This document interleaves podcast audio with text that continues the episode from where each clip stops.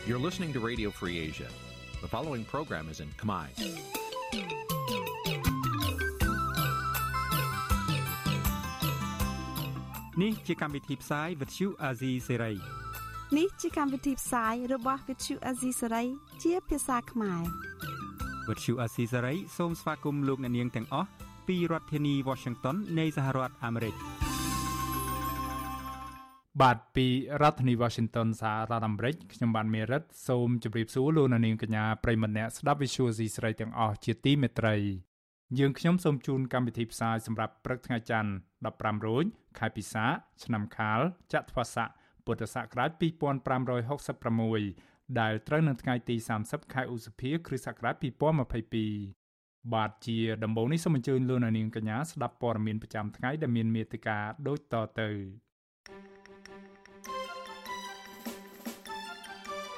ក្រមយុវជននិងសង្គមស៊ីវិលស្នើដល់ក្រសួងបរិស្ថានឲ្យជួយពង្រឹងការការពារធនធានធម្មជាតិឲ្យបានគង់វង្សគណៈបញ្ញយោបាយបង្កើនសកម្មភាពធ្វើយុទ្ធនាការឃោសនារោគសម្លេងឆ្នោតនៅទូទាំងប្រទេសមន្ត្រីបកភ្លើងទៀនថាបកកណ្ដាលអំណាចប្តឹងបករបស់ខ្លួនច្រើនព្រោះខ្លាចចាញ់ឆ្នោតគឧតកោកាស៊ីណូ Naga World ម្នាក់ប្រឈមគ្រោះថ្នាក់ដល់ជីវិត ក្រោយបាត់បង់កូននៅក្នុងផ្ទៃដោយសារតែការបង្ក្រាបដោយហិង្សាពីអាជ្ញាធររួមនឹងព័ត៌មានផ្សេងៗមួយចំនួនទៀត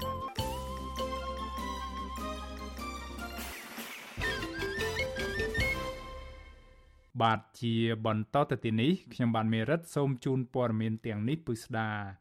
បាទលោកនាងប្រិមម្នាក់ស្ដាប់ជាទីមេត្រី ក្នុងទិវាបរិស្ថានពិភពលោកឆ្នាំ2022 សមាគមបណ្ដាញយុវជនកម្ពុជាហៅកាត់ថា CYN បានលើកឡើងពីការព្រួយបារម្ភចំពោះផលប៉ះពាល់ផ្សេងៗដល់ធនធានធម្មជាតិដែលរួមមានដូចជាការបូមយកខ្សាច់ពីទន្លេ ការលុបបង្បួរធម្មជាតិការកាប់បំផ្លាញព្រៃឈើនិងការចាប់សត្វកម្រនៅក្នុងទឹកមកដោះដូរជាមួយមន្ត្រីអភិរក្សជលផលជាដើម ក្រមយុវជននិងអង្គការសង្គមស៊ីវិលស្នើដល់ស្ថាប័នពាក់ព័ន្ធជាពិសេសក្រសួងបរិស្ថានឲ្យជួយពង្រឹងបន្ថែមទៀតចំពោះការការពារធនធានធម្មជាតិឲ្យបានគង់វង្សបាទលោកជីវតារាយការណ៍ព័ត៌មាននេះក្នុងវេទិកាបរិស្ថានពិភពលោកក្រមប្រធានបទលើកកម្ពស់កិច្ចការពារបរិស្ថាន ដើម្បីជារភាពធនធានធម្មជាតិនិងសុខុមាលភាពមនុស្សជាតិដែលមានមនុស្សចូលរួមជិត100នាក់ធ្វើឡើងនៅរាជធានីភ្នំពេញ នៅព្រឹកថ្ងៃទី29ខែឧសភាវេទិកានេះក្រមយុវជនផ្ដោតសំខាន់ទៅលើការបំរែបំរួលអាកាសធាតុការរិចរិលព្រៃស្រោងក្រាស់ការបាក់ដីច្រាំងទន្លេដោយកត្តាមនុស្សជាដើមប្រធានផ្នែកកម្មវិធីស្រាវជ្រាវនឹងតស៊ូមតិនៃសមាគមបណ្ដាញយុវជនកម្ពុជា លោកហេងកំហុងលើកឡើងថាការកាប់បំផ្លាញព្រៃឈើដោយសេរីកំពុងកើតមានពីពេញផ្ទៃប្រទេស ដោយសារមានអំពើខុបខិតគ្នារវាងអាជ្ញាធរនិងជនល្មើសកាន់តែកើតមានខ្លាំងឡើងដែលធ្វើឲ្យមន្ត្រីឧទ្យានុរក្សមានភាពកំសោយក្នុងការអនុវត្តច្បាប់លោកបន្ថែមថារដ្ឋាភិបាលមិនគួរផ្ដល់ដីសម្បត្តិសេដ្ឋកិច្ចទៅឲ្យក្រុមហ៊ុនឯកជន ដែលធ្វើឲ្យប៉ះពាល់ដល់ធនធានធម្មជាតិនោះឡើយមិនមិនមែនជារឿងមួយធម្មតាទេនៅពេលដែលមនុស្សចូលទៅរស់នៅក្នុងតំបន់ការពារធម្មជាតិហើយឥឡូវសម័យរណាយន្តទៀត គឺសំឡេងអើងកងពេញព្រៃប៉ុន្តែអាជ្ញាធរពុំយកចិត្តទុកដាក់នៅក្នុងការអនុវត្តដែលធ្វើឲ្យប្រជាពលរដ្ឋអាចបន្តហើយបញ្ហានេះហ៊ានតែបណ្តែតបណ្ដោយហ៊ានតែអនុញ្ញាតឧទាហរណ៍ដូចករណីតំបន់ដែលមានការរស់នៅដោយខុសច្បាប់អញ្ចឹងហ៊ានតែបន្តបណ្តែតបណ្ដោយគឺហាក់បីដូចជាដំណើរឈានទៅរកការវិវត្តបន្ថែមទៀតនៃការទន្ទ្រានដីលោកក្រមយុវជនមើលឃើញការបំផ្លាញបរិស្ថាននៅកម្ពុជា មានទ្រង់ទ្រាយផ្សេងផ្សេងគ្នា ក្នុងនោះក៏មានពលរដ្ឋខ្លះដើររកពងកន្ធាយយកមកដូរនឹងពងទាជាមួយមន្ត្រីរក្សាបរិស្ថានផងដែរវិទ្យុអាស៊ីសេរីមិនអាចតាក់ទងអនុរដ្ឋលេខាធិការក្រសួងបរិស្ថានអ្នកស្រីព្រំសុភីដើម្បីសុំការបំភ្លឺរឿងនេះបានទេនៅថ្ងៃទី29ឧសភាដោយទូរស័ព្ទហៅចូលតែពុំមានអ្នកទទួលប្រធានសមាគមនិស្សិតបញ្ញវន្តខ្មែរលោកកើតសរាយប្រាប់វិទ្យុអាស៊ីសេរីនៅថ្ងៃទី29ឧសភាថា ការប្រពៃទិវាបរិស្ថាននេះគឺដើម្បីបញ្ជ្រាបនៅចំណេះដឹងអំពីការស្រឡាញ់បរិស្ថានដល់យុវជននិងប្រជាពលរដ្ឋទូទៅ លើកទឹកចិត្តពួកគេឲ្យចូលរួមថែរក្សាព្រៃឈើនិងធនធានធម្មជាតិដទៃទៀតឲ្យគង់វង្សយូរអង្វែងដើម្បីបម្រើផលប្រយោជន៍ដល់មនុស្សជាតិលោកបញ្ជាក់ថាបើទោះបីជាការចូលរួមរបស់លោកនៅថ្ងៃនេះតិចក្តីច្រើនក្តីក៏អាចនឹងជួយជំរុញដល់យុវជនដទៃទៀតឲ្យចេះស្រឡាញ់ធនធានធម្មជាតិ វិញជាពិសេសក្រសួងបរិស្ថានតែម្ដងគឺសូមឲ្យពិចារណាឲ្យពិចារណាទៀតដើម្បីបើកលំហូរសេរីភាពឲ្យអង្គការសង្គមស៊ីវិលឲ្យសហគមន៍និងប្រជាពលរដ្ឋសកម្មជនសង្គមហ្នឹងគិតមានឱកាសហើយយើងសហការគ្នាក្នុងនាមជាជនជាតិខ្មែរជាជាងតែព្យាយាមលៀបពណ៌ដោយកន្លងមកយើងដូចយើងឃើញហើយមន្ត្រីនៅក្នុងក្រសួងបរិស្ថានមួយចំនួនហ្នឹងបន្តលៀបពណ៌អង្គការសង្គមស៊ីវិលសហគមន៍សកម្មជនសង្គមថា ធ្វើនេះធ្វើនោះសិតតែមានវរៈនយោបាយមានស្អីចឹងខ្ញុំគិតថាវាអត់ចំណេញដល់ជាតិសាសន៍យើងជាឧទាហរណ៍ជាក់ស្ដែងព្រៃមេតាធម្មជាតិគឺជាផ្នែកមួយនៃដែនជម្រកសត្វព្រៃភ្នំឱរ៉ាល់ដែលត្រូវបានចុះបញ្ជីទទួលស្គាល់ជាព្រៃអភិរក្សពីក្រសួងបរិស្ថានព្រៃសហគមន៍មួយនេះមានផ្ទៃដីប្រមាណ20000ហិកតា ដែលមានសត្វព្រៃកម្ររស់នៅជាច្រើនប្រភេទប៉ុន្តែបច្ចុប្បន្នកាន់តែរួមតូច នៅសល់តែជាង800ហិកតាប៉ុណ្ណោះ ដោយសារកំពុងរងការបំពៀបំពៀនទន្ទ្រានយកដីជាបន្តបន្ទាប់ពីក្រុមហ៊ុនឯកជន និងឈ្មួញខលខូចមួយចំនួនដោយគ្មានការទប់ស្កាត់រីឯស្ថាបនិកអង្គការមេដាធម្មជាតិលោក Alejandro Gonzalez Davidson ប្រាប់អាស៊ីសេរីនៅថ្ងៃដដែលនេះថា បើមើលពីសម្បកក្រៅរដ្ឋាភិបាលហាក់ដូចជាយកចិត្តទុកដាក់ខ្លាំងលើបញ្ហាព្រៃឈើតែធៀបពិតមិនដូច្នោះទេ លោកថាការកាប់ទន្ទ្រានព្រៃឈើកាន់តែរីកដុះដាលធំទៅធំទៅ ដោយជនល្មើសគ្មានការខ្លាចញញើតពីច្បាប់សោះឡើយលោកបន្ថែមថាលោកមានរបាយការណ៍និងផុសតាងជាច្រើនពាក់ព័ន្ធនឹងការបំផ្លិចបំផ្លាញព្រៃឈើធនធានធម្មជាតិការបូមយកខ្សាច់ទាំងការឃើញផ្ទាល់និងរូបភាពពីផ្កាយរណបដែលក្រុមអ្នកជំនាញថតបាន។ ខ្ញុំមានក្តីបារម្ភមួយដោយថាដរាបណាទេសចរបរទេសមិនចូលមកខ្មែរដរាបណាមានទនកម្មអន្តរជាតិដរាបណាអ្នកវិនិយោគមកពីការប្រទេសមិនចូលមកកម្ពុជាគឺបារម្ភថាគេនឹងបំពេញបំផ្លាញទន្ទានធម្មជាតិតទៅមុខទៀតព្រោះហ្នឹងជាចំណូលសម្រាប់រដ្ឋជាចំណូលសម្រាប់គណៈបកប្រជាជនហើយក៏ជាចំណូលសម្រាប់បុគ្គលដែលមានអំណាច ការបូមសាច់ការលុបបង្ការជួសដូរឈើយកទៅវៀតណាមអីហ្នឹងជាជាចំណូលដែលគេមានណាបាទថ្លែងក្នុងវេទិកាទិវាបរិស្ថានពិភពលោកប្រធានផ្នែកកម្មវិធីស្រាវជ្រាវនឹងតស៊ូមតិនៃសមាគមបណ្ដាញយុវជនកម្ពុជា លោកហេងកំហុងបញ្ជាក់ថា ការស្រាវជ្រាវរបស់អ្នកជំនាញបរិស្ថានបង្ហាញថា រយៈពេល3ឆ្នាំចុងក្រោយនេះការកាប់បំផ្លាញព្រៃឈើកើតមានកាន់តែខ្លាំងឡើងខ្លាំងឡើង ហើយបញ្ហានេះអាចកើតមានទៅបាន ដោយសារមានការរួមចំណែកពីអាជ្ញាធរតាមរយៈអង្គើពុករលួយខ្ញុំជីវិតាអាស៊ីសេរី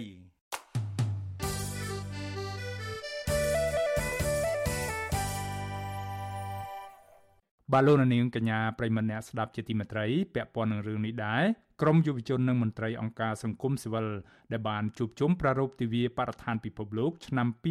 2022ក្រោមប្រធានបទលើកកម្ពស់កិច្ចការពីបរិស្ថាន ដើម្បីចីរភាពធនធានធម្មជាតិនិងសុខុមាលភាពមនុស្សជាតិកាលពីថ្ងៃទី29ខែឧសភាម្សិលមិញនេះបានបង្ហាញក្តីបារម្ភពីការបំផ្លិចបំផ្លាញធនធានធម្មជាតិដូចជាការបូមយកសាច់ពីទន្លេ ការលុបបង្បួរធម្មជាតិ ការកាប់បំផ្លាញព្រៃឈើនិងការចាប់សត្វកម្រនៅក្នុងទឹកជាដើមតើពួកគេមានសំណូមពរជាក់លាក់អ្វីខ្លះបន្ថែមទៀតដល់ស្ថាប័នពាក់ព័ន្ធជាពិសេសក្រសួងបរិស្ថានឲ្យជួយពង្រឹងផ្នែកការពារធនធានធម្មជាតិឲ្យបានគង់វង្សនោះបាទសូមអញ្ជើញលោកនាងកញ្ញារងចាំស្ដាប់បទសម្ភាសរវាងអ្នកស្រីសុជីវីជាមួយប្រធានសមាគមសម្ព័ន្ធយុវជនបញ្ញវន្តខ្មែរលោកកើតសរាយជុំវិញរឿងនេះនាពេលបន្តិចទៀតនេះបាទសូមអរគុណ បាទលោកនាងកញ្ញាប្រិមម្នាក់ស្ដាប់ជាទីមេត្រីយើងងាកមកស្ដាប់ព័ត៌មានតាក់ទងទៅនឹងយុទ្ធនាការឃោសនាបោះឆ្នោតវិញម្ដងបាទគណៈបញ្ញយោបាយមួយចំនួន បង្កើនសកម្មភាពធ្វើយុទ្ធនាការឃោសនារកសម្លេងឆ្នោត នៅទូទាំងប្រទេសដោយការហាយក្បួននិងធ្វើសកម្មភាពតូចៗនៅតាមមូលដ្ឋាន កាលពីថ្ងៃទី29ខែឧសភា ក៏ប៉ុន្តែគណៈបកខ្លះបន្តទទួលរងនឹងការគំរាមកំហែងការបំផិតបំភ័យដដែលគណៈគណៈបកកាន់អំណាច កំណត់ទិសដៅបង្ហាញពីសមិទ្ធផលនិងចុះបង្រៀនអ្នកបោះឆ្នោត អំពីវិធីគូសលើសន្លឹកឆ្នោតនៅតាមក្នុងផ្ទះរបស់ពលរដ្ឋដោយគ្មានឧបសគ្គយុទ្ធនាការឃោសនាបោះឆ្នោតជ្រើសរើសក្រុមប្រឹក្សាឃុំសង្កាត់អាណត្តិទី5រយៈពេល14ថ្ងៃ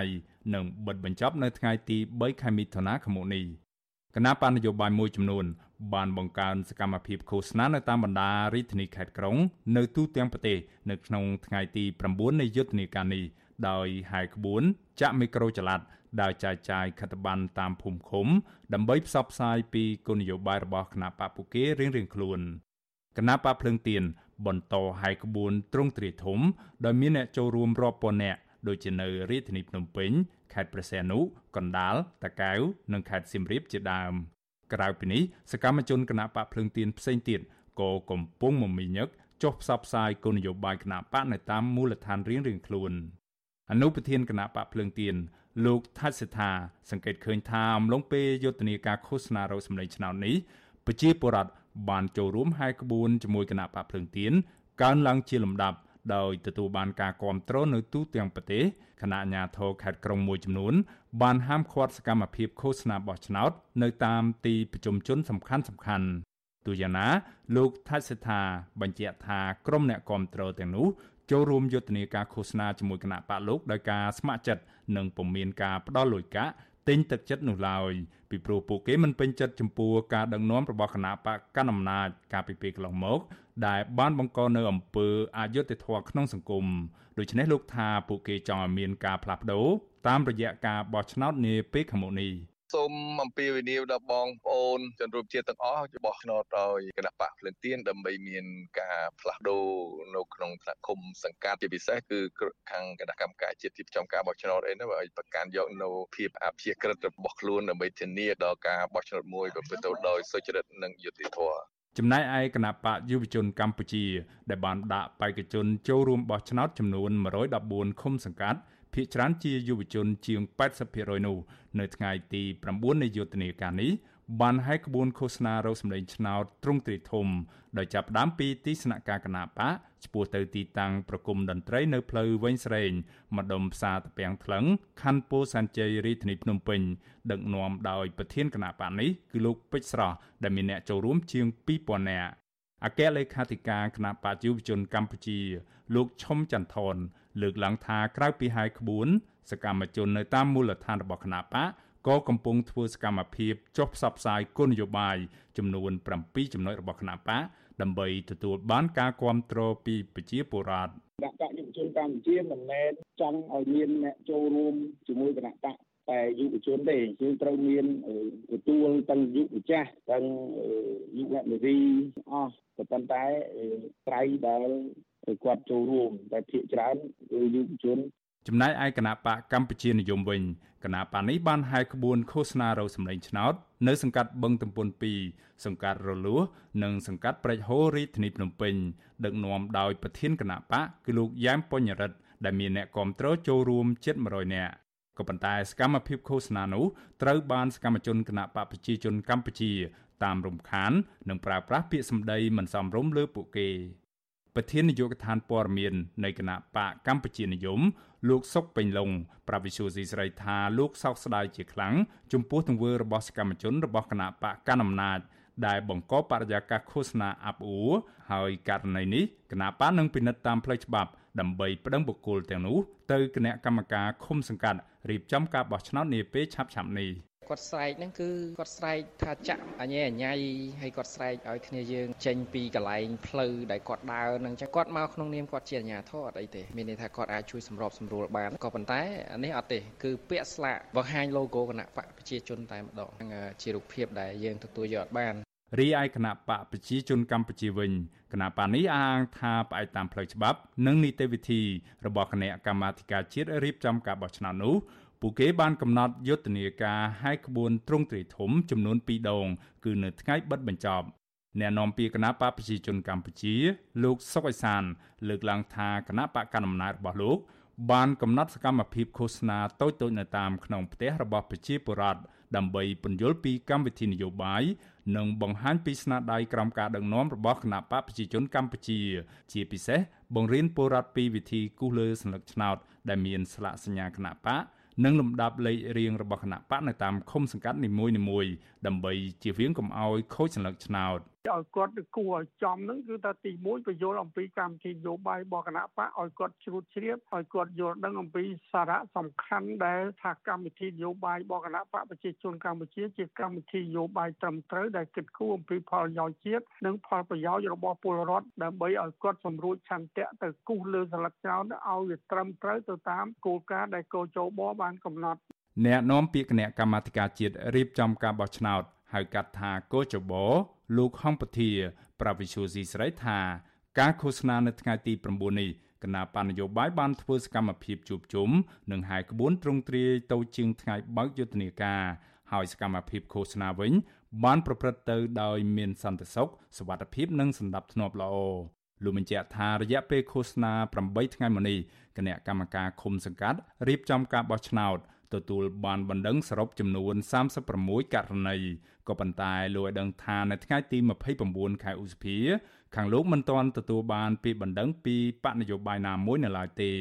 សិនបើជួបបញ្ហាដែលគិតថាទទួលរងនឹងការគម្រាមកំហែងឬក៏ដោយប្រការណាមួយខុសពីនីតិវិធីនៃការឃោសនាបោះឆ្នោតគណៈបកនយោបាយឬក៏បុគ្គលសម័យខ្លួនអាចធ្វើការប្តឹងបាទប្តឹងជាបឋមទៅគណៈកម្មការឃុំសង្កាត់រៀបចំការបោះឆ្នោតណាបាទ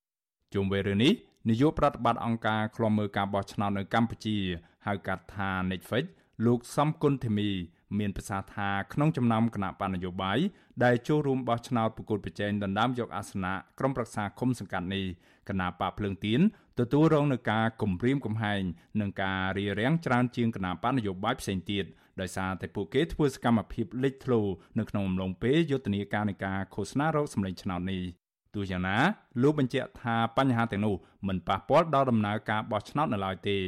ដូច្នេះលោកអំពាវនាវដល់ភាគីពាក់ព័ន្ធទាំងអស់ត្រូវបញ្ឈប់អំពើខុសឆ្គងដែលផ្ទុយពីច្បាប់និងក្រមសីលធម៌នៃការបោះឆ្នោត ពេលនេះសូមមេត្តារក្សាគោរពបទបញ្ជានីតិវិធីនៃឃោសនាបោះឆ្នោតក្រមសីលធម៌ដើម្បីឲ្យវារលូនកុំឲ្យមានបញ្ហាភាគីទាំងអស់ទាំងអាជ្ញាធរទៀតជួយសម្រួលការងារបោះឆ្នោតឃោសនាបោះឆ្នោតណាតាំងពីចរាចរណ៍តាំងពីអីជួយសម្រួលដល់ពួកគាត់ឲ្យគាត់បានធ្វើសកម្មភាពឃោសនាបោះឆ្នោតបានទូលាយដល់អ្នកបោះឆ្នោតការបោះឆ្នោតជ្រើសរើសក្រុមប្រឹក្សាឃុំសង្កាត់អាណត្តិទី5នេះនឹងប្រព្រឹត្តទៅនៅថ្ងៃអាទិត្យទី5ខែមិថុនាខាងមុខ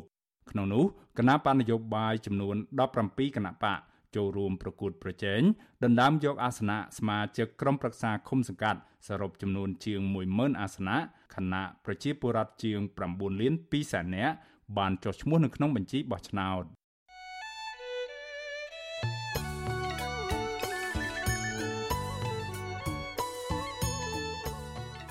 បាទលោកនាងកញ្ញាប្រិមម្នាក់ស្ដាប់ជាទីមេត្រី នៅក្នុងឱកាសនេះដែរខ្ញុំបាទសូមថ្លែងអំណរគុណដល់លោកនាងកញ្ញាទាំងអស់ ដែលតែងតែមានភក្ដីភាពចំពោះការផ្សាយរបស់យើងខ្ញុំ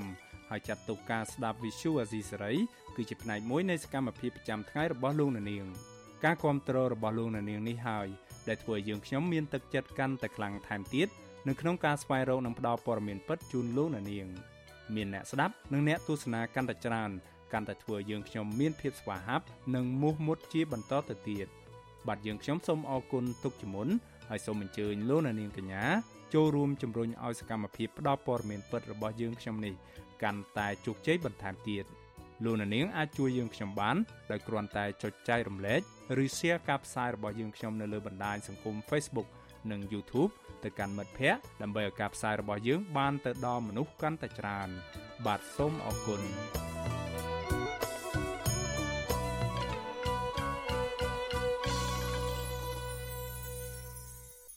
បាទលោកនាងកញ្ញាប្រិមម្នាក់ស្ដាប់ជាទីមេត្រីលោកនាងកំពុងស្ដាប់កម្មវិធីផ្សាយរបស់ Visual Asia ស្រីផ្សាយចេញពីរដ្ឋធានី Washington សហរដ្ឋអាមេរិកបាទពាក់ព័ន្ធនឹងដំណើរការនៃយុទ្ធនាការឃោសនាបោះឆ្នោតឃុំសង្កាត់អាណត្តិទី5នេះដែរ មន្ត្រីគណៈបកភ្លើងទៀនរិះគន់ថាការដែលគណៈបកកណ្ដាលអំណាចមមាញឹកក្នុងការប្តឹងបកភ្លើងទៀនអំឡុងពេលយុទ្ធនាការឃោសនាបោះឆ្នោតឃុំសង្កាត់នេះគឺដោយសារតែខ្លាចចាញ់ការបោះឆ្នោតនាពេលខាងមុខនេះព្រោះឃើញប្រជាពលរដ្ឋកំពុងផលផុសគាំទ្រគណៈបកភ្លើងទៀនរាយមន្ត្រីបកប្រជាជនកម្ពុជាវិញឆ្លើយតបថាបកកណ្ដាលអំណាចមិនដែលខ្លាចការចាញ់ឆ្នោតម្ដងណាឡើយ បាទលោកសនច័ន្ទរដ្ឋាពីរដ្ឋធានី Washington រាយការណ៍ព័ត៌មាននេះចាប់តាំងពីបើមានយុទ្ធនាការឃោសនាបោះឆ្នោតឃុំសង្កាត់អាណត្តិទី5មកមានគណៈបញ្ញយោបាយជាច្រើនឃោសនាពីគោលនយោបាយរបស់ខ្លួនដើម្បីទទួលបានការគ្រប់គ្រងពីសំណាក់ប្រជាពលរដ្ឋគណៈដែលគណៈបកភ្លើងទៀនកំពុងទទួលរងពាក្យបណ្ដឹងពីគណៈបកកណ្ដាលអំណាចកាន់តែច្រើនអនុប្រធានគណៈបកភ្លើងទៀនដែលតែងតែរិះគន់គណៈបកកណ្ដាលអំណាចអំឡុងពេលឃោសនារោស្លឹកឆ្នោតលោកថៃសិដ្ឋាលើកឡើងថាសកម្មភាពបដិងជាហោហែរបស់គណៈបកកណ្ដាលអំណាចនេះ គឺជាការរំខានដល់ការឃោសនារោសមិទ្ធឆ្នោតរបស់គណៈបកភ្លើងទៀនស្របពេលដែលសន្ទុះអ្នកគ្រប់គ្រងមានការកើនឡើងច្រើនលោកបន្តថាលោកមិនប្តឹងបកទៅវិញនោះទេដោយសារគ្មានជំនឿលើកោចបោនិងស្ថាប័នតុលាការដែលលំអៀងទៅរកគណៈបកកណ្ដាលអំណាចលោកមើលឃើញថាការបន្តប្តឹងមកលើគណៈបកភ្លើងទៀននេះកាន់តែធ្វើមានការចាប់អារម្មណ៍ពីសំណាក់ប្រជាពលរដ្ឋដែលស្អប់ទង្វើអយុត្តិធម៌នៅពេលបច្ចុប្បន្នហើយពលរដ្ឋនឹងសម្រេចជ្រើសរើសមេដឹកនាំណាមួយដែលត្រឹមត្រូវនៅពេលខាងមុខនេះ លោកថៃសិដ្ឋាមើលឃើញថាការដែលមន្ត្រីបកកណ្ដាលអំណាចបន្តយាយីគណៈបករបស់ខ្លួននៅពេលនេះដោយសារតែបកកណ្ដាលអំណាចខ្លាចចាញ់ការបោះឆ្នោតឃុំសង្កាត់វាច្បាស់ណាស់ឃើញថាបង្ហាញពីការភ័យខ្លាចរបស់គណៈបកប្រជាជនមកគណៈបកភ្លើងទៀនហ្នឹងដោយសារយើងឃើញហើយតាំងពីសឡុតបេក្ខជនផ្នែកងារគម្រាមកំហែងគ្រប់បែបសពយ៉ាងទិញឲ្យលាលែងពីគណៈបកអីគ្រប់អស់ នៅឥឡូវដល់ពេលបោះឆ្នោតគាត់ឆាឆាវអារឿងបដិងបដលរំខានថែមទៀតអាហ្នឹងវាច្បាស់ណាស់ថាគាត់បារម្ភមើលទៅគាត់ភ័យចំពោះគណៈបកភ្លើងទៀនដែលឃើញជាបរដ្ឋគ្រប់ត្រកាន់តែខ្លាំងហ្នឹងឯងប្រតិកម្មរបស់មន្ត្រីគណៈបកភ្លើងទៀននេះធ្វើឡើងដោយសារតែមួយរយៈពេលនេះគណៈបកកណ្ដាលអំណាចបានប្តឹងសកម្មជនគណៈបកភ្លើងទៀនជាបន្តបន្ទាប់កាលពីថ្ងៃទី28ខែសភាគណៈកម្មការរៀបចំការបោះឆ្នោតខេត្តកំពង់ចាម បានសម្រេចផាកពិន័យលោកកុងរយ៉ាប្រធានគណៈបកភ្លើងទៀនឃុំស្ដៅចំនួន5លានរៀលពាក់ព័ន្ធទៅនឹងការចាយប្រាក់ដល់សកម្មជននៅស្រុកកោមាសខេត្តកំពង់ចាមតកតទៅនឹងបញ្ហានេះអ្នកនាំពាក្យគណៈបកប្រជាជនកម្ពុជាលោកសុកសានប្រាវិទ្យាអេស៊ីសេរីថាបញ្ហានេះគ្រាន់តែជាវោហារសម្នយោបាយតែប៉ុណ្ណោះព្រោះលោកថាគណៈបកប្រជាជនកម្ពុជាមិនមានការភ័យខ្លាចការចាញ់ឆ្នោតនោះទេចំណែកការប្តឹងរបស់គណៈបកប្រជាជនកម្ពុជាលើគណៈបកភ្លើងទៀនវិញលោកថាដសារតែសកម្មជនទៅនោះប្រព្រឹត្តខុស នៅនីតិវិធីច្បាប់លោកបន្តថាសម្រាប់គណៈបកប្រជាជនកម្ពុជាដែលកាន់អំណាចជាយូរមកហើយនោះមិនដែលខ្លាចក្នុងការប្រកួតប្រជែងការបោះឆ្នោតនោះទេគំនិតការយល់ឃើញរបស់គេក៏ប៉ុន្តែចំពោះគណៈបកប្រជាជនមិនដែលខ្លាចគណៈបកណាទេពួកគណៈបកប្រជាជនឈ្នះស្រោតរហូតរឿងអីទៅខ្លាចហើយបើខ្លាចរត់ក្រាប់លូដែរយើងដូចមេបកប្រឆាំងនឹងឃើញនេះគេរត់ដល់ស្រុកបារាំងគេនៅស្រុកបារាំងរហូតអាហ្នឹងគឺអាហ្នឹងហ៊ានអី ហើយមួយទៀតអាបែកបាក់តិចទីអស់ហើយទៅមកបង្កើតគណៈបកថ្មីថ្មីណាអានឹងជាគណៈបកហ៊ាននិងគណៈបកខ្លាចជុំវេលានេះអ្នកសម្របសម្រួលផ្នែកអង្កេតនឹងតស៊ូមតិនៃអង្គការ Conference លោកកុនសវាង មានប្រសាសន៍ថានេះគឺជាប្រវត្តិសាស្ត្រមួយដែលមិនធ្លាប់មានដែលគណៈបកកណ្ដាលអំណាចព្យាយាមធ្វើទៅបំម្នេញនិងចាប់កំហុសលើគណៈបកប្រឆាំងដែលជាដៃគូប្រគល់ប្រជែងជាមួយគណៈបករបស់ខ្លួន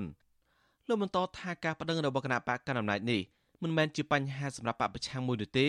តែផ្ទុយទៅវិញវាគ្រាន់តែធ្វើបាក់មួយនេះរឹងមាំហើយមានការប្រុងប្រយ័ត្នជាងមុន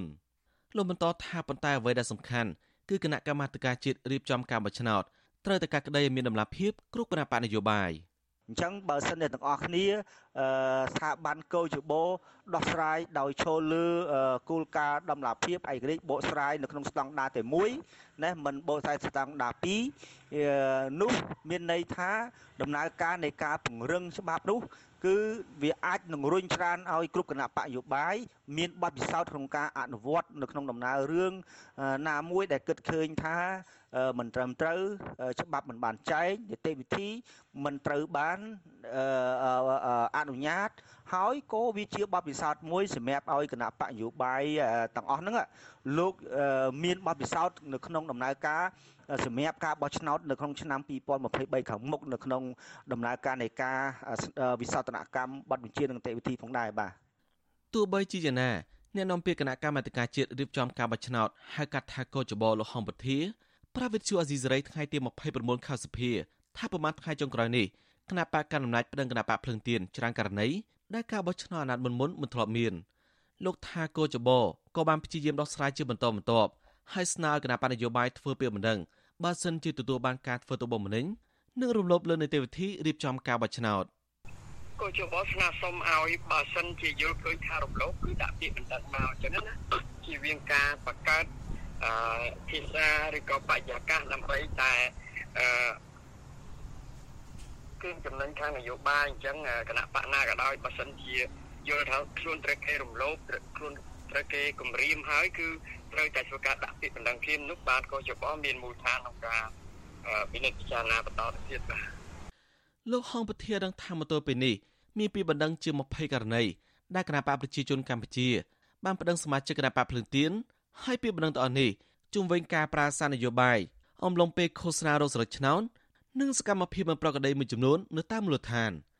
ចំណាយសង្គមស៊ីវិលដែលខ្លំមើលការបោះឆ្នោតមើលឃើញថាការធ្វើទៅបំម្នេញពីសំណាក់បកកណ្ដាលអំណាច កំពុងតែរំលោភសិទ្ធិនយោបាយហើយធ្វើការបោះឆ្នោតនៅពេលខាងមុខមិនប្រកបដោយសេរីនិងយុត្តិធម៌នោះទេខ្ញុំសនចាររថាវិទ្យុអេស៊ីសេរីរាយការណ៍ពីរដ្ឋធានីវ៉ាស៊ីនតោនបាឡូណានាងកញ្ញាប្រិមម្នាក់ស្ដាប់ជាទីមេត្រី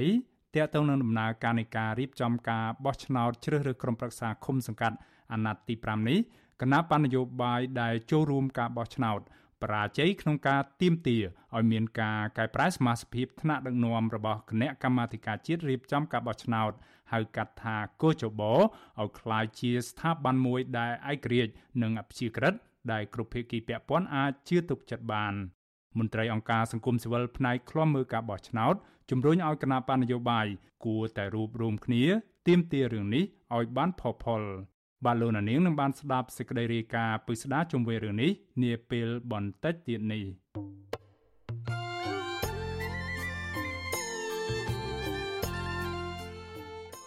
បាទលោកនាងប្រិមម្នាក់ស្ដាប់ជាទីមេត្រីដំណើរគ្នានឹងស្ដាប់ការផ្សាយរបស់ Visual C សេរីតាមបណ្ដាញសង្គម Facebook និង YouTube លោកអ្នកនាងក៏អាចស្ដាប់កម្មវិធីផ្សាយរបស់ Visual C សេរីតាមប្រឡោកធារកាសខ្លីឬ Shortwave តាមកម្រិតនិងកម្ពស់ដូចតទៅនេះ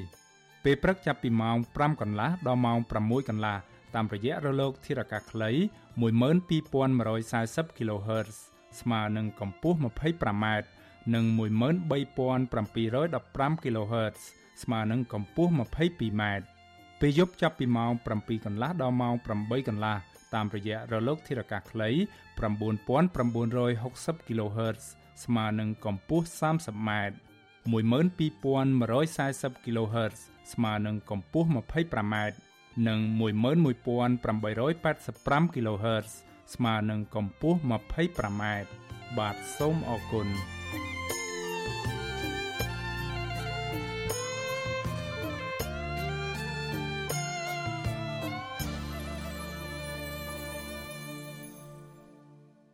បាឡូណានាងប្រិមម្នាក់ស្ដាប់ជាទីមេត្រី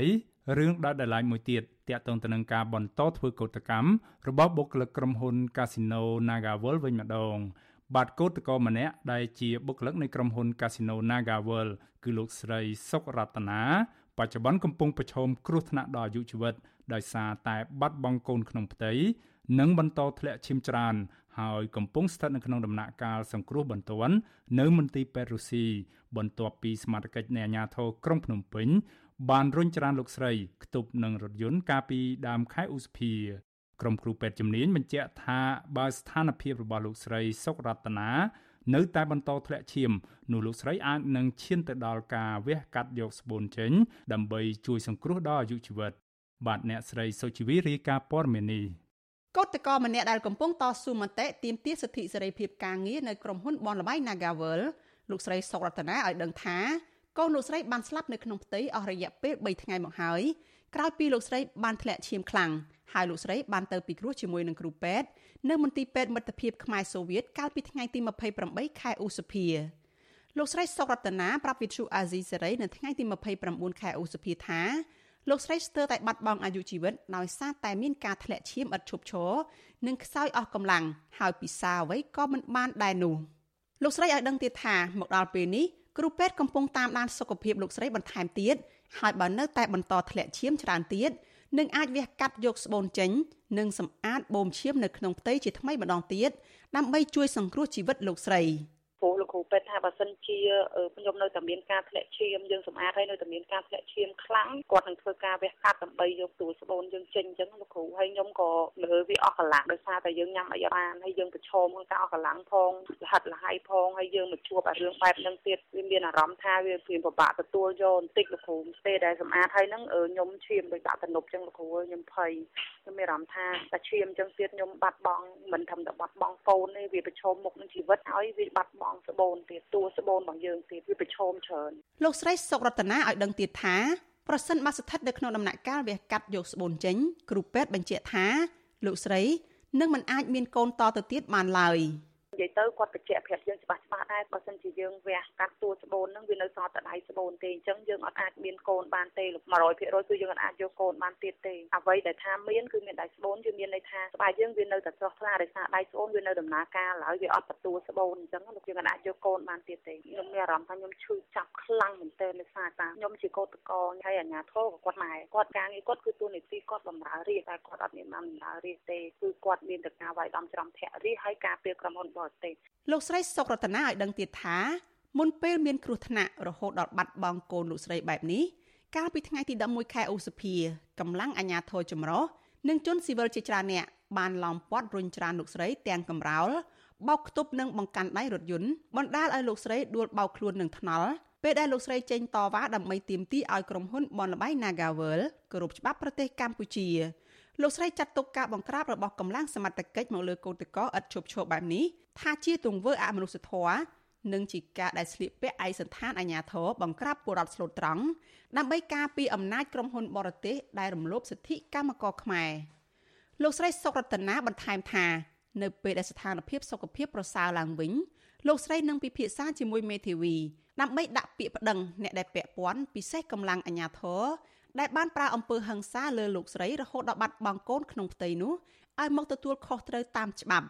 រងការប្តឹងដោយសារអីនេះគឺជារឿងបាត់បង់បងបាត់បង់ហើយយើងប្រឈមក្នុងគ្រោះថ្នាក់ជីវិតមនុស្សរហូតដល់តែពីរកូនខ្ញុំមួយគឺខ្ញុំមួយតែខ្ញុំត្រូវពិភាក្សាតាមផ្លូវច្បាប់សិនអញ្ចឹងបើសិនជាគាត់វាយដំច្រំធាក់ខ្ញុំមានន័យថាគាត់ខុសទៅហើយតែអាជ្ញាធរនៅធ្វើបាបខ្ញុំហើយនឹងកូនខ្ញុំទៀតអឺទង្វើរបស់គាត់នេះគឺគឺសាហាវស្រីផ្សាយមែនទែនហើយយើងខ្មែរដូចគ្នាយើងមកធ្វើអញ្ចឹងដើម្បីការពារក្រុមហ៊ុនបរទេសវិទ្យុអាស៊ីសេរីមិនអាចតាក់ទងแนะនាំពាក្យស្នងការដ្ឋាននគរបាលរាជធានីភ្នំពេញលោកសាន់សុកសីហា និងអភិបាលរាជធានីភ្នំពេញលោកហួងស្រេងដើម្បីបកស្រាយបំភ្លឺបញ្ហានេះបានទេ នៅថ្ងៃទី29ខែឧសភាទោះយ៉ាងណា ជាង5ខែមកហើយដែលក្រុមកោតក្រភៀកច្រើនជាស្ត្រី បានចេញតវ៉ាដើម្បីទាមទារឲ្យថៅកែក្រុមហ៊ុនបនលបៃ Nagavel បញ្ឈប់ការរំលោភសិទ្ធិកម្មករនិងត្រូវគោរពសិទ្ធិសហជីពនៅក្នុងការងារជាការឆ្លើយតបសាលារដ្ឋាភិបាលភ្នំពេញនិងស្ថាប័នពាក់ព័ន្ធព្រមទាំងមន្ត្រីក្រាក់ក្រាក់ រួមទាំងប្រព័ន្ធឃោសនានៃរបបលោកហ៊ុនសែនផង តែងចេញសេចក្តីប្រកាសដោយហៅការតវ៉ារបស់ក្រមស្ត្រីកោតក្រទាំងនោះថាជាការបំពុលសង្គមនិងរៀបចំឈុតឆាកសម្ដែងបំរើមហិច្ឆតានយោបាយក្រៅពីនេះក៏មានមន្ត្រីនិងក្រុមបកពួកដែលស្និទ្ធនឹងលោកហ៊ុនសែនតែងបន្ទាបតម្លៃក្រមស្ត្រីកោតក្រទាំងនោះដោយប្រៀបប្រដូចទៅនឹងមេរោគចង្រៃនិងជាក្រុមដែលមានចេតនាធ្វើបដិវត្តពណ៌ដើម្បីព្រួយរំលំរដ្ឋាភិបាល។ ជុំវិញរឿងនេះនាយកទទួលបន្ទុកកិច្ចការទូតនៃអង្គការលីកាដូលោកអំសំអាតមានប្រសាសន៍ថាការបន្ទាបតម្លៃកិត្តិយសពីសំណាក់អាជ្ញាធរទៅលើក្រុមកោតក្រដែលភៀកច្រើនជាស្ត្រីបែបនេះគឺជាដើមចមនៅក្នុងការចងគំនុំនិងក្នុងការបើកដៃឲ្យកម្លាំងសមត្ថកិច្ចបង្ក្រាបឥតឈប់ឈរទៅលើក្រុមកោតក្រទោះយ៉ាងណាលោកអំសំអាតសង្កត់ធ្ងន់ថាការបង្ក្រាបរបស់អាជ្ញាធរឈានដល់ថ្នាក់បាត់បង់ទីរក់នៅក្នុងផ្ទៃបែបនេះគឺជាការរំលោភសិទ្ធិមនុស្សធ្ងន់ធ្ងរ និងទាមទារដល់ស្ថាប័នពាក់ព័ន្ធឲ្យបើកការស៊ើបអង្កេតរោគជនដៃដល់មកផ្ដន់ទោសឲ្យខាងតែបាន។ ការបាត់បង់ក្មេងនៅក្នុងទីក៏វាជាអាយុជីវិតមួយដែរអញ្ចឹងវាត្រូវតែមានការស៊ើបអង្កេតមួយឲ្យបានច្បាស់លាស់ដើម្បីរកយុត្តិធម៌តាមផ្លូវច្បាប់ធ្វើហិង្សាដូច្នេះគឺចាត់ទុកថាវាជាការរំលោភសិទ្ធិមនុស្សមួយយ៉ាងធ្ងន់ធ្ងរជាពិសេសទៅលើទីរក់ដែលមិនទាន់ទាំងបានទទួលការដឹងក្តីនៅឡើយណាបញ្ហាទាំងអស់នេះយើងឃើញថាវាជាបទពិសោធន៍មួយត្រូវតែជិះវៀងនៃការប្រើប្រាស់នៅអំពើហិង្សាទៅលើក្រុមកោតក្រដែលធ្វើកោតកម្មដោយអហិង្សាកន្លងទៅអ្នកជំនាញផ្នែកសិទ្ធិមនុស្សជាតិអន្តរជាតិក្រមសហជីពព្រមទាំងស្ថាប័នអន្តរជាតិជាច្រើនទៀតបានចេញសេចក្តីថ្លែងការណ៍ថ្កោលទោសរបបលោកហ៊ុនសែនដោយសារតែប្រើកម្លាំងអាជ្ញាធរដើម្បីរារាំងក្នុងការព្យាយាមដាក់សម្ពាធទៅលើកោតក្រឲ្យបញ្ឈប់ការទៀមទាដំណោះស្រាយការងារនិងចេតនាឲ្យសម្លេងសហជីពមានភាពចុះខ្សោយ។ ពួកគេអំពាវនាវដល់រដ្ឋាភិបាលលោកហ៊ុនសែនឲ្យបញ្ឈប់ការធ្វើទុកបុកម្នេញលើក្រុមកោតក្រ Nagavel តទៅទៀតនិងត្រូវងាកមករកដំណោះស្រាយវិវាទការងារដ៏រ៉ាំរ៉ៃនេះឲ្យស្របទៅតាមច្បាប់ស្តីពីការងារនាងខ្ញុំសុជីវីវិទ្យុអាស៊ីសេរីពីរដ្ឋធានី Washington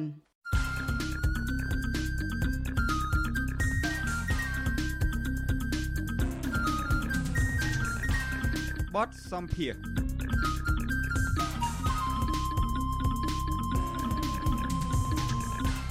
បាឡូណានីងប្រិមម្នាក់ស្ដាប់ជាទីមេត្រី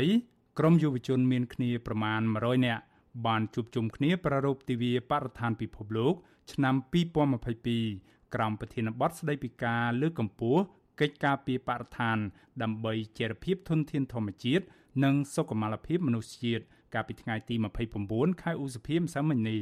ក្នុងនោះក្រមយុវជន បានបង្ហាញពីក្តីបារម្ភជុំវិញការបំផ្លិចបំផ្លាញធនធានធម្មជាតិដែលរួមមានដូចជាការបូមយកខ្សាច់ពីទន្លេ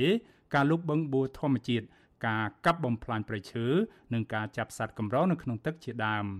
ក្រមយុវជននិងមន្ត្រីអង្គការសង្គមស៊ីវិលស្នើដល់ស្ថាប័នពាក់ព័ន្ធជាពិសេសក្រសួងបរិស្ថានឲ្យជួយពង្រឹងថែមទៀតក្នុងការការពារធនធានធម្មជាតិឲ្យបានគង់វង្សពួកគេមើលឃើញថាការកាប់បំផ្លាញធនធានធម្មជាតិ អាចធ្វើទៅបានដោយសេរីក៏ដោយសារតែអាញាធរខົບខិតគ្នាប្រព្រឹត្តអំពើពុករលួយ បាទជាបន្តទៅទីនេះសូមអញ្ជើញលោកនាងកញ្ញាស្ដាប់បទសម្ភាសរវាងអ្នកស្រីសុជីវីជាមួយប្រធានសមាគមសម្ព័ន្ធយុវជនបញ្ញវន្តខ្មែរលោកកើតសារាយជុំវិញក្តីបារម្ភរបស់ក្រមយុវជន ចំពោះបញ្ហាបរិស្ថាននេះដូចតទៅ លោកកើតសរាយតើទឹកចិត្តយុវជននឹងយ៉ាងណាខ្លះទៅនៅពេលដែលចូលរួមវេទិកានៅថ្ងៃនេះចាចង់ឃើញចង់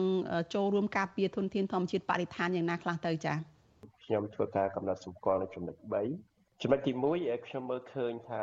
ពិភាពចាប់ផ្ដើមធ្វើឲ្យយុវជនមើលឃើញថាវាជាចំណុចរួមវាជាបញ្ហារួមដែលពួកគាត់ហ្នឹងគឺគឺចាប់អារម្មណ៍ហើយចង់ដឹងចង់ឮ ពីព្រោះក្នុងសាលារៀនពេលខ្លះសឹងតែមិនបង្រៀនគាត់សោះប៉ុន្តែដល់ពេលគាត់បានទទួលបានព័ត៌មានពីអង្គការសង្គមស៊ីវិលទទួលបានព័ត៌មានអំពីសារព័ត៌មានដូចជាស៊ីសេរីខបរីឌីលីឬព័ត៌មានផ្សេងផ្សេងទៀតចុះផ្សាយនោះពួកគាត់អឺនៅពេលដែលបានមកជួបនឹងទស្សនវិជ្ជាយើងនាំឲ្យទៅឃើញទស្សនវិជ្ជាពិតហ្នឹងគឺគាត់ហាក់ដូចបញ្ចេញពីសន្ទុះអឺធម្មពល ក្នុងនាមជាយុវជនដែលចង់ឃើញព្រៃឈើបានល្អប្រសើរហ្នឹងគឺគាត់ហាក់ដូចជាបញ្ចេញនៅកម្លាំងខ្លាំងក្លាជាពិសេសជាក់ស្ដែងការជិះកង់10ថ្ងៃ600គីឡូរបស់យុវជនប្រុសស្រីហ្នឹងគឺថានារីនារីដែលយើងមើលថាកម្លាំងខ្សោយជិះកង់600គីឡូ10ថ្ងៃអត់មានសម្រាប់វាទៅជាពួកខ្ញុំប្រុសប្រុសជិះអត់ឈ្នះគាត់ចំណុច2នៅក្នុងការប្រារព្ធនៅទិវាបរិស្ថានល្ងាចមិញនេះក៏យើងមើលឃើញថា ក្រោយតែពីមានបទបង្ហាញកិច្ចអន្តរាគមពីវគ្គក្មិនផ្សេងផ្សេងនិយាយតាក់ទងនឹងរឿងការបាត់បង់ជំរកសត្វព្រៃឬគឺព្រៃអភិរក្សការបាត់បង់នៅតំបន់ធនធានធម្មជាតិមួយចំនួនដូចជារឿងនៅតំបន់ទំនប់សិនសាងដែលវាប៉ះពាល់ដល់ការរស់នៅរបស់ប្រជាពលរដ្ឋហើយវាជាភាពរៀងស្ទះនៃជីវៈចម្រុះឬក៏ជាទីជាផ្លូវ សម្រាប់វងត្រីទៅបកបកើតកំណើតអីផ្សេងផ្សេងសពបែបយ៉ាងនោះគឺធ្វើឲ្យហាក់ដូចជាយុវជនគឺមានការចាប់អារម្មណ៍ហើយចាប់អារម្មណ៍ហើយគឺគាត់សំដែងនៅអារម្មណ៍សោកស្ដាយហើយយុវជនខ្លះហ្នឹងរហូតដល់គាត់ថាគាត់ធ្លាប់តែសំណុកពីក្មេងជាកូនអ្នកធូធា ហើយដល់ពេលគាត់មកបានឃើញរឿងបានលឺរឿងអញ្ចឹងគឺគាត់មានអារម្មណ៍ថាក្តុកក្តួលហើយគាត់លួចលួចម៉ែមកទៀតកុហកម៉ែដើម្បីសុំមកចូលរួមទៀត យកបានឃើញយុវជនសំដែងអំពីភាពសោកស្ដាយចំពោះបឹងតមោកពេលគាត់ទៅហ្នឹងគឺគាត់អត់រោបឹងតមោកអត់ឃើញពួកគេចាក់ដីលុបអស់ហើយព្រោះធម្មតាតែបឹងវាមានទឹកវាមានថ្លុកជាទីទំនាបអីចឹងណាដល់ពេលគាត់ទៅលេឃើញដីស្មៅគាត់ថាស្មានតែគាត់មិនទាន់ទៅដល់បឹងតមោករហូតដល់គាត់ប្រើពាក្យថាគោកតមោកវាលេងបឹងតមោកនឹងចំណុចទី2ហើយចំណុចទី3ចុងក្រោយពិសេសនោះយើងឃើញថាមានការចូលរួម សហការសាមគ្គីគ្នារវាងអង្គការសង្គមស៊ីវិលជាមួយនឹងសហគមន៍ជាមួយនឹងសកម្មជនសង្គមទាំងសកម្មជនដែលធ្លាប់ជាប់ពន្ធនាគារទាំងសកម្មជនដែលកំពុងតែធ្វើកិច្ចការងារសង្គមគឺចាប់ផ្ដើមស្វែងរកគ្នាហើយចាប់ផ្ដើមសហការគ្នាចិត្តស្និទ្ធដើម្បីក្នុងគោលបំណងធានាថាជារិភាពសម្រាប់បរិស្ថាននៅស្រុកខ្មែរនឹងបានល្អប្រសើរបាទក្រៅតែពីឃើញថាយុវជនមានទឹកចិត្តឃ្លាវខ្លាចូលរួមប្រព ពិធីនឹងតើការនាំគ្នាប្រារព្ធពិធីនោះមានសារៈសំខាន់អីយ៉ាងម៉េចចំពោះបរិស្ថានធនធានធម្មជាតិនៅកម្ពុជានឹងចា៎បាទអឺវាជារឿងដែលគ្មាននរណាម្នាក់អាចប្រកែកបានទេដែលថាការចូលរួមរបស់ប្រជាពលរដ្ឋជារឿងចាំបាច់នៅក្នុងការធានានៅភាពគង់វង្សទៅលើអ្វីផ្សេងផ្សេងនៅក្នុងប្រទេសមួយ ទាំងវប្បធម៌ប្រពៃណីសពបែបយ៉ាងដូច្នេះมันបាច់និយាយទៅដល់រឿងព្រៃឈើដែលដូចយើងដឹងហើយ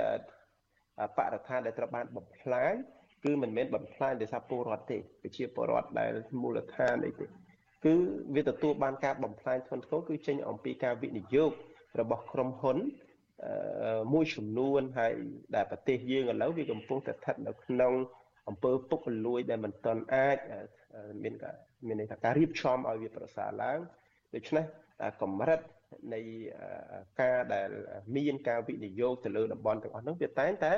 ធ្វើឲ្យយើងមើលឃើញថាវាមានផលប៉ះពាល់ទី1គឺប៉ះពាល់មនុស្សតែម្ដងប៉ះពាល់ការរស់នៅរបស់ប្រជាពលរដ្ឋដូចយើងមើលរឿងទំនប់ផ្សេងសានក្រម2ការប៉ះពាល់ដល់ជនជាតិដើមភាគតិចភ្នងការប៉ះពាល់ដល់ជីវៈចម្រុះផ្សេងផ្សេងការកាប់បំផ្លាញព្រៃឈើធ្វើឲ្យប៉ះពាល់ដល់អាកាសធាតុ ហើយទាំងអស់នេះសិតតែប៉ះពាល់ហើយវាប៉ះពាល់ដល់មនុស្សជាតិយើងជាដំបូងគេរឿងហ្នឹងហើយដែលយើងគិតថាវាជាបញ្ហារួមសំខាន់ដូច្នេះតំណឹងហើយដែលដែលធ្វើឲ្យគ្រប់គ្នាគឺចាត់ទុកថាវាជាជាបញ្ហាអតិភិបហើយពិភពលោកក៏កំពុងតែសម្ដែងការព្រួយបារម្ភទៀតហើយជាថ្មីថ្មីនេះទៀត USAID ក៏បានប្រកាសមិនផ្ដល់គម្រោង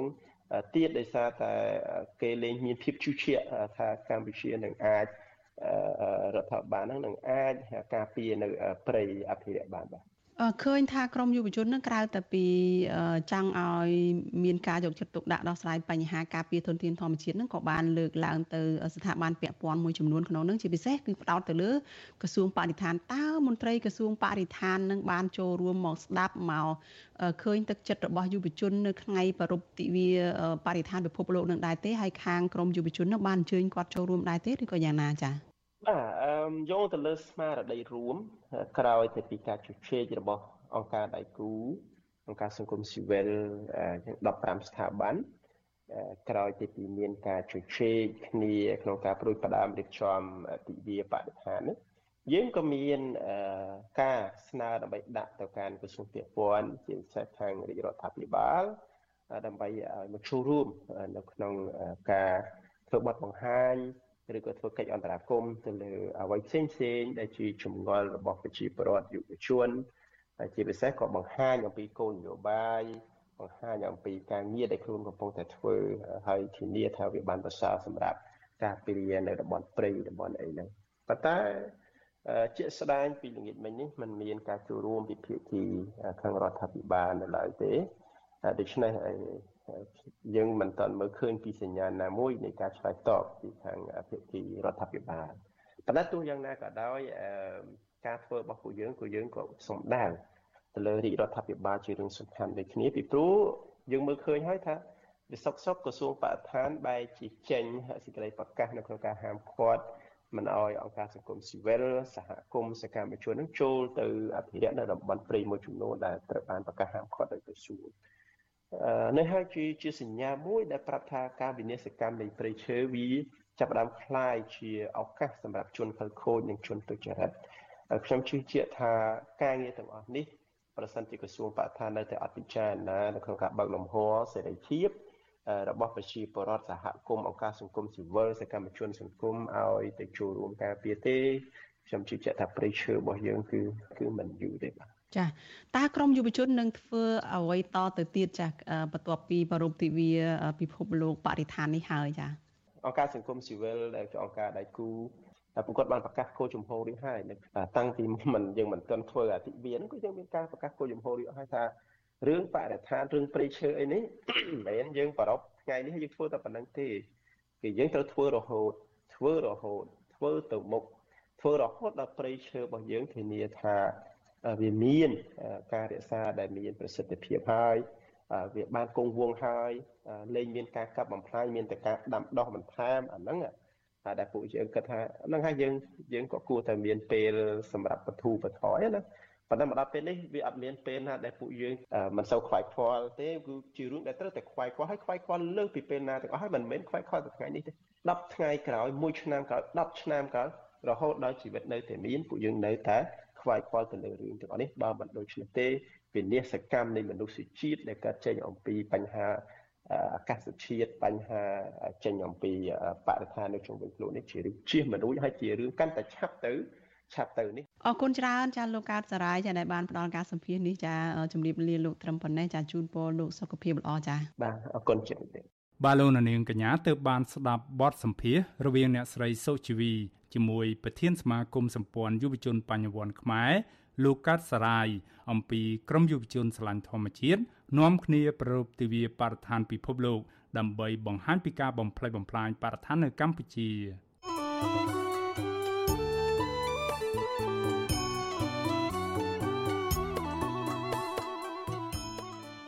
បាទលោកនាងប្រិមម្នាក់ស្ដាប់ជាទីមេត្រី ក្រៅពីតាមដានកម្មវិធីផ្សាយរបស់ Visual C ស្រីតាមបណ្ដាញសង្គម Facebook YouTube និង Telegram លោកនាងក៏អាចតាមដានកម្មវិធីផ្សាយរបស់យើង តាមបណ្ដាញសង្គម Instagram ដែលមានអាសយដ្ឋាន instagram.com/rfa ខ្មែរ Visual C ស្រីបន្តខិតខំផ្សព្វផ្សាយព័ត៌មានពិតជូនដល់លោកនាង តាមរយៈបណ្ដាញសង្គមផ្សេងៗនិងសម្បូរបែបដើម្បីឲ្យលោកនាងងាយស្រួលតាមដានការផ្សាយរបស់យើងគ្រប់ពេលវេលា និងគ្រប់ទីកន្លែងតាមរយៈទូរស័ព្ទដៃរបស់លោកនាង បាទសូមអរគុណ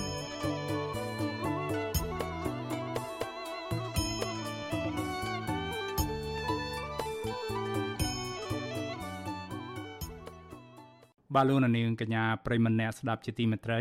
រឿងរ៉ាវទាក់ទងទៅនឹងឯករាជ្យនិងអព្យាក្រឹតរបស់ស្ថាប័នកោជបវិញម្ដង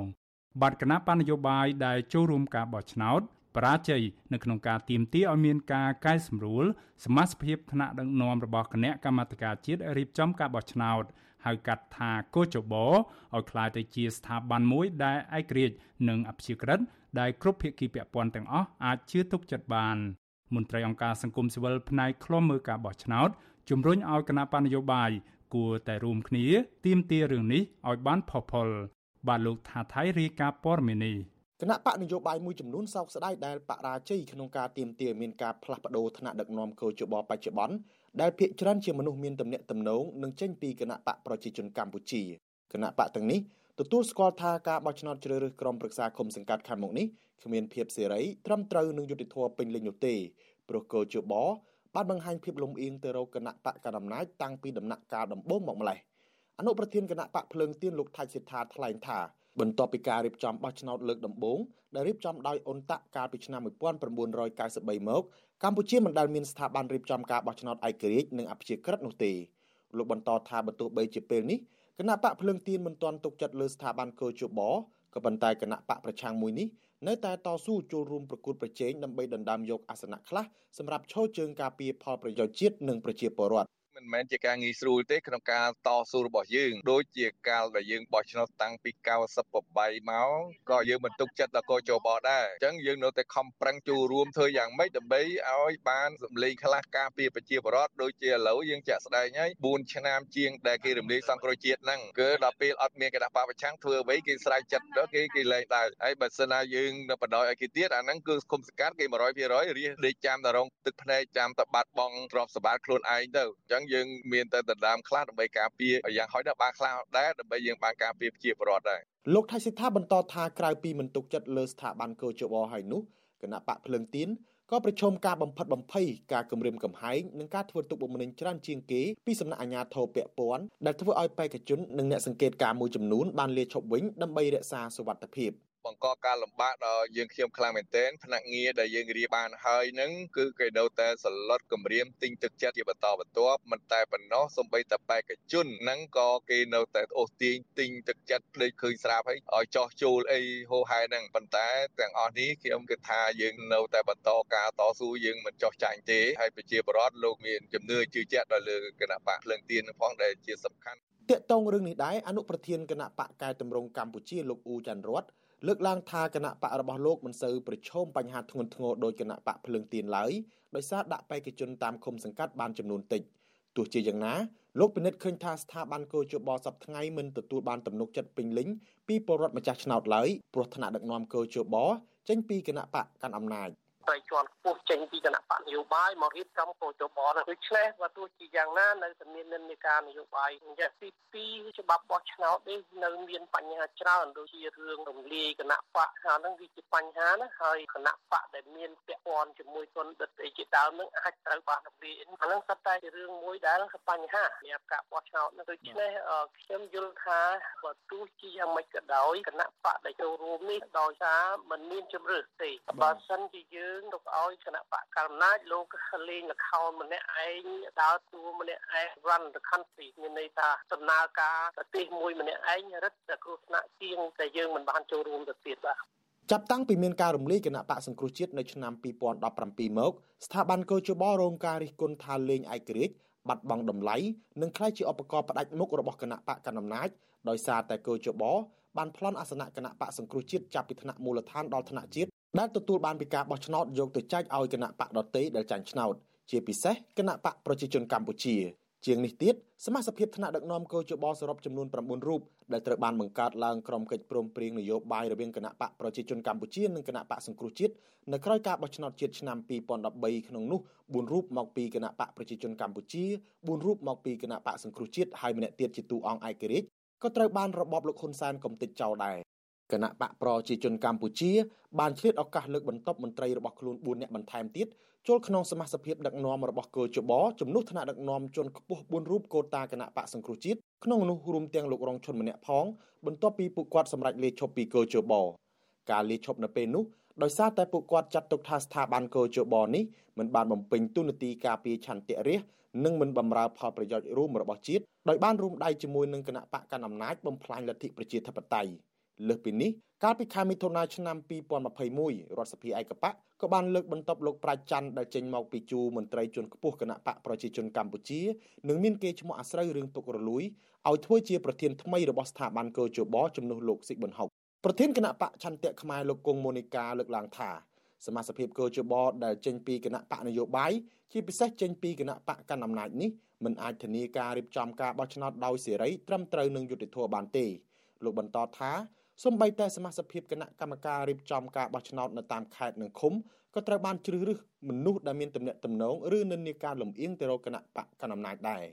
ទោះជាយ៉ាងណាលោកបញ្ជាក់ថាមូលហេតុដែលគណៈបកឆន្ទៈខ្មែរបន្តចូលរួមការបោះឆ្នោតនេះព្រោះគ្មានជំរឿផ្សេងដើម្បីផ្លាស់ប្ដូរជីវិតជំនាញឡើយហើយគណៈបកលោកនឹងនៅតែបន្តទៀមទាឲ្យធ្វើកំណែតម្រង់ស្ថាប័នបោះឆ្នោតទៀត។ ចង់ឃើញកោចបមួយដែលមានសមាជិកមេដឹកនាំរបស់ខ្លួនដែលឯករាជ្យពិតប្រាកដចេញពីអង្គការសង្គមស៊ីវិលអីផ្សេងទេក្រៅពីសមាជិកថ្នាក់ជាតិរបស់កោចបហ្នឹងគឺថាយើងចង់ឃើញសមាជិករបស់កោចបនៅថ្នាក់ក្រោមជាតិថ្នាក់ខេត្តថ្នាក់ស្រុកឬក៏ថ្នាក់ឃុំអីជាដើមហ្នឹងត្រូវតែមានសមាជិកភាពមួយដែលរើសមកពីអង្គការឬក៏អ្នកឯករាជ្យណាមួយផងដែរសពថ្ងៃនេះគឺថាសមាជិកភាពរបស់ពួកគាត់សុទ្ធតែជាអតីតគ្រូបង្រៀនឬក៏អ្នកដែលជាប់ពាក់ព័ន្ធជាមួយនឹងគណៈបកកណ្ដាលគឺគណៈបកប្រជាជនកម្ពុជាហ្នឹងហើយដូច្នេះពួកគាត់ហាក់បីដូចជានៅមានចំណូលច្រើននៅឡើយក្នុងការជួយគ្រប់គ្រងទៅគណៈបកកណ្ដាលអំណាចគណៈបកនយោបាយដែលចូលរួមបោះឆ្នោតជ្រើសរើសក្រុមប្រឹក្សាគុំសង្កាត់អាណត្តិទី5នេះមានចំនួន17គណៈបកក៏ប៉ុន្តែមានតែគណៈបកប្រជាជនកម្ពុជាប៉ុណ្ណោះដែលពេញចិត្តពេញថ្លើមចំពោះស្ថាប័នកោជបសពថ្ងៃ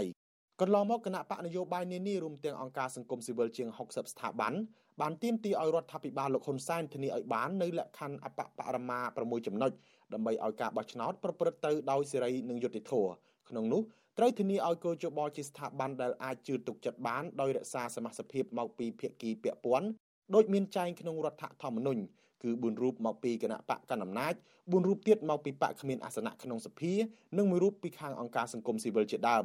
ទោះជាយ៉ាងណាការទីមទីរបស់បកនយោបាយនិងអង្គការសង្គមស៊ីវិលទាំងនេះមិនត្រូវបានមេដឹកនាំរដ្ឋាភិបាលឯកបកយកចិត្តទុកដាក់ដោះស្រាយឡើយ ឆ្លើយតបរឿងនេះអ្នកនាំពាក្យគណៈកម្មាធិការជ្រៀបចំការបោះឆ្នោតលោកហងពុធាថ្លែងការពីថាសមាជិកភាពកោជបត្រូវបានបង្កើតឡើងស្របតាមច្បាប់ដោយឆ្លងកាត់រដ្ឋសភាហើយពួកគេមកពីបកណាក៏ដោយក៏ត្រូវតែគោរពនិងអនុវត្តតាមបទបញ្ជារបស់កោជបដែរលោកបន្ថែមថាចំពោះនីតិវិធីជ្រើសរើសមន្ត្រីនៅការិយាល័យបោះឆ្នោតវិញកោជបបានប្រកាសជាសាធារណៈហើយកោជប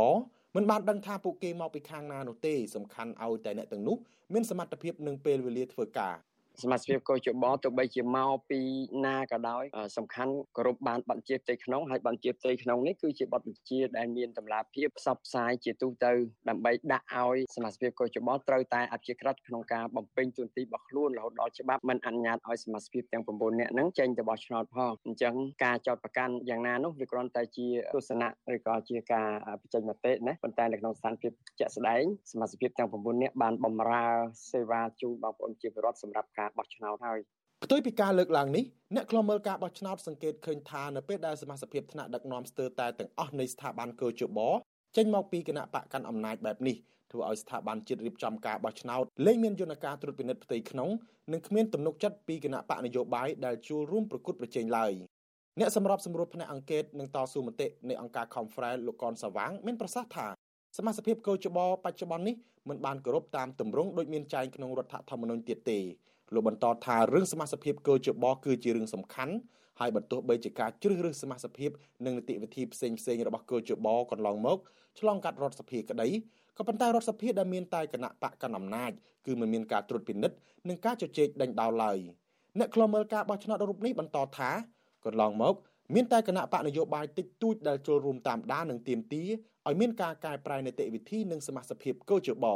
ខ្ញុំយល់ឃើញថារឿងនីតិវិធីរឿងច្បាប់នេះគឺថាมันអាចនឹងធ្វើមួយពីរបានទេត្រូវតែមានការចូលរួមទាំងអស់គ្នា ដើម្បីតស៊ូធ្វើម៉េចបង្ហាញទៅដល់ចំណុចដែលមានការចន្លោះប្រហោងហ្នឹងឲ្យមានការកែប្រែបាទហើយជំរឿសដែលចូលរួមនេះគឺជាការសម្រេចចិត្តរបស់គណៈបកយោបាយនៅក្នុងការចូលរួមអញ្ចឹង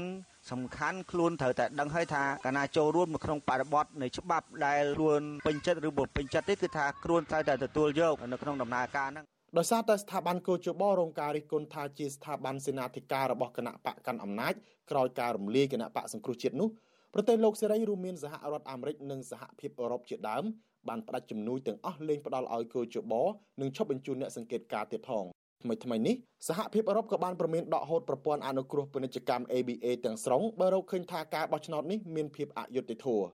មកទល់ពេលនេះក្រមប្រទេសប្រជាធិបតេយ្យធំធំអង្គការជាតិនិងអន្តរជាតិរួមទាំងគណៈបកនយោបាយផងនៅតែបន្តអំពាវនាវឲ្យរដ្ឋាភិបាលលោកហ៊ុនសែនស្ដារលទ្ធិប្រជាធិបតេយ្យនិងការគោរពសិទ្ធិមនុស្សព្រមទាំងធ្វើកំណែទម្រង់ស្ថាប័នបោះឆ្នោតឲ្យស្របតាមរដ្ឋធម្មនុញ្ញឡើងវិញដើម្បីឲ្យការបោះឆ្នោតនេះគ្មានបញ្ហា និងអាចទទួលយកបានពីភាគីពាក់ព័ន្ធ ខ្ញុំថាថៃពីទីក្រុងមែលប៊ន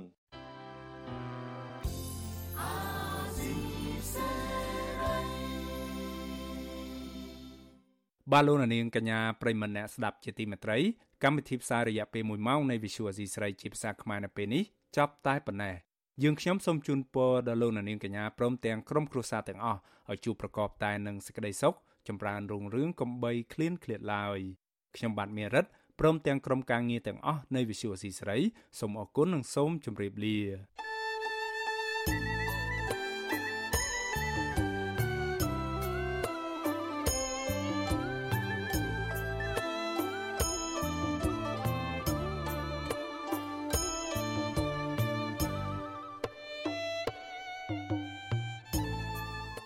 វិទ្យុអាស៊ីសេរីផ្សាយតាមរលកធាតុអាកាសខ្លី ឬ shortwave តាមកម្រិតនិងកម្ពស់ដូចតទៅនេះពេលព្រឹកចាប់ពីម៉ោង5កន្លះដល់ម៉ោង6កន្លះតាមរយៈរលកធាតុអាកាសខ្លី12140 kHz ស្មើនឹងកម្ពស់ 25m និង13715 kHz ស្មើនឹងកម្ពស់ 22m ពេលយប់ចាប់ពីម៉ោង7កន្លះដល់ម៉ោង8កន្លះតាមរយៈរលកធាតុអាកាសខ្លី